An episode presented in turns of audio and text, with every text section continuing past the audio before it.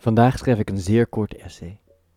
Rapper Lil Uzi Vert gaat een planeet kopen en hij zou hiermee de eerste mens zijn die eigenaar van een planeet is. Er bestaan nog geen regels over het kopen van planeten.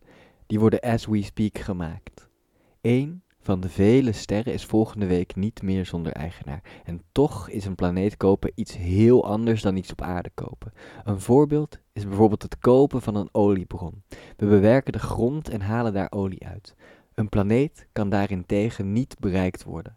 Geen olie uit de grond, geen eerste stap op het oppervlakte. Het is alsof Lil Uzi Vert zegt, wat, die zwevende steen, die is nu van mij.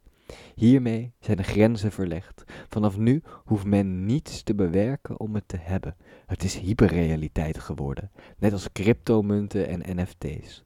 Allemaal verzonnen stukjes dingen om zogenaamd eigenaar van te zijn.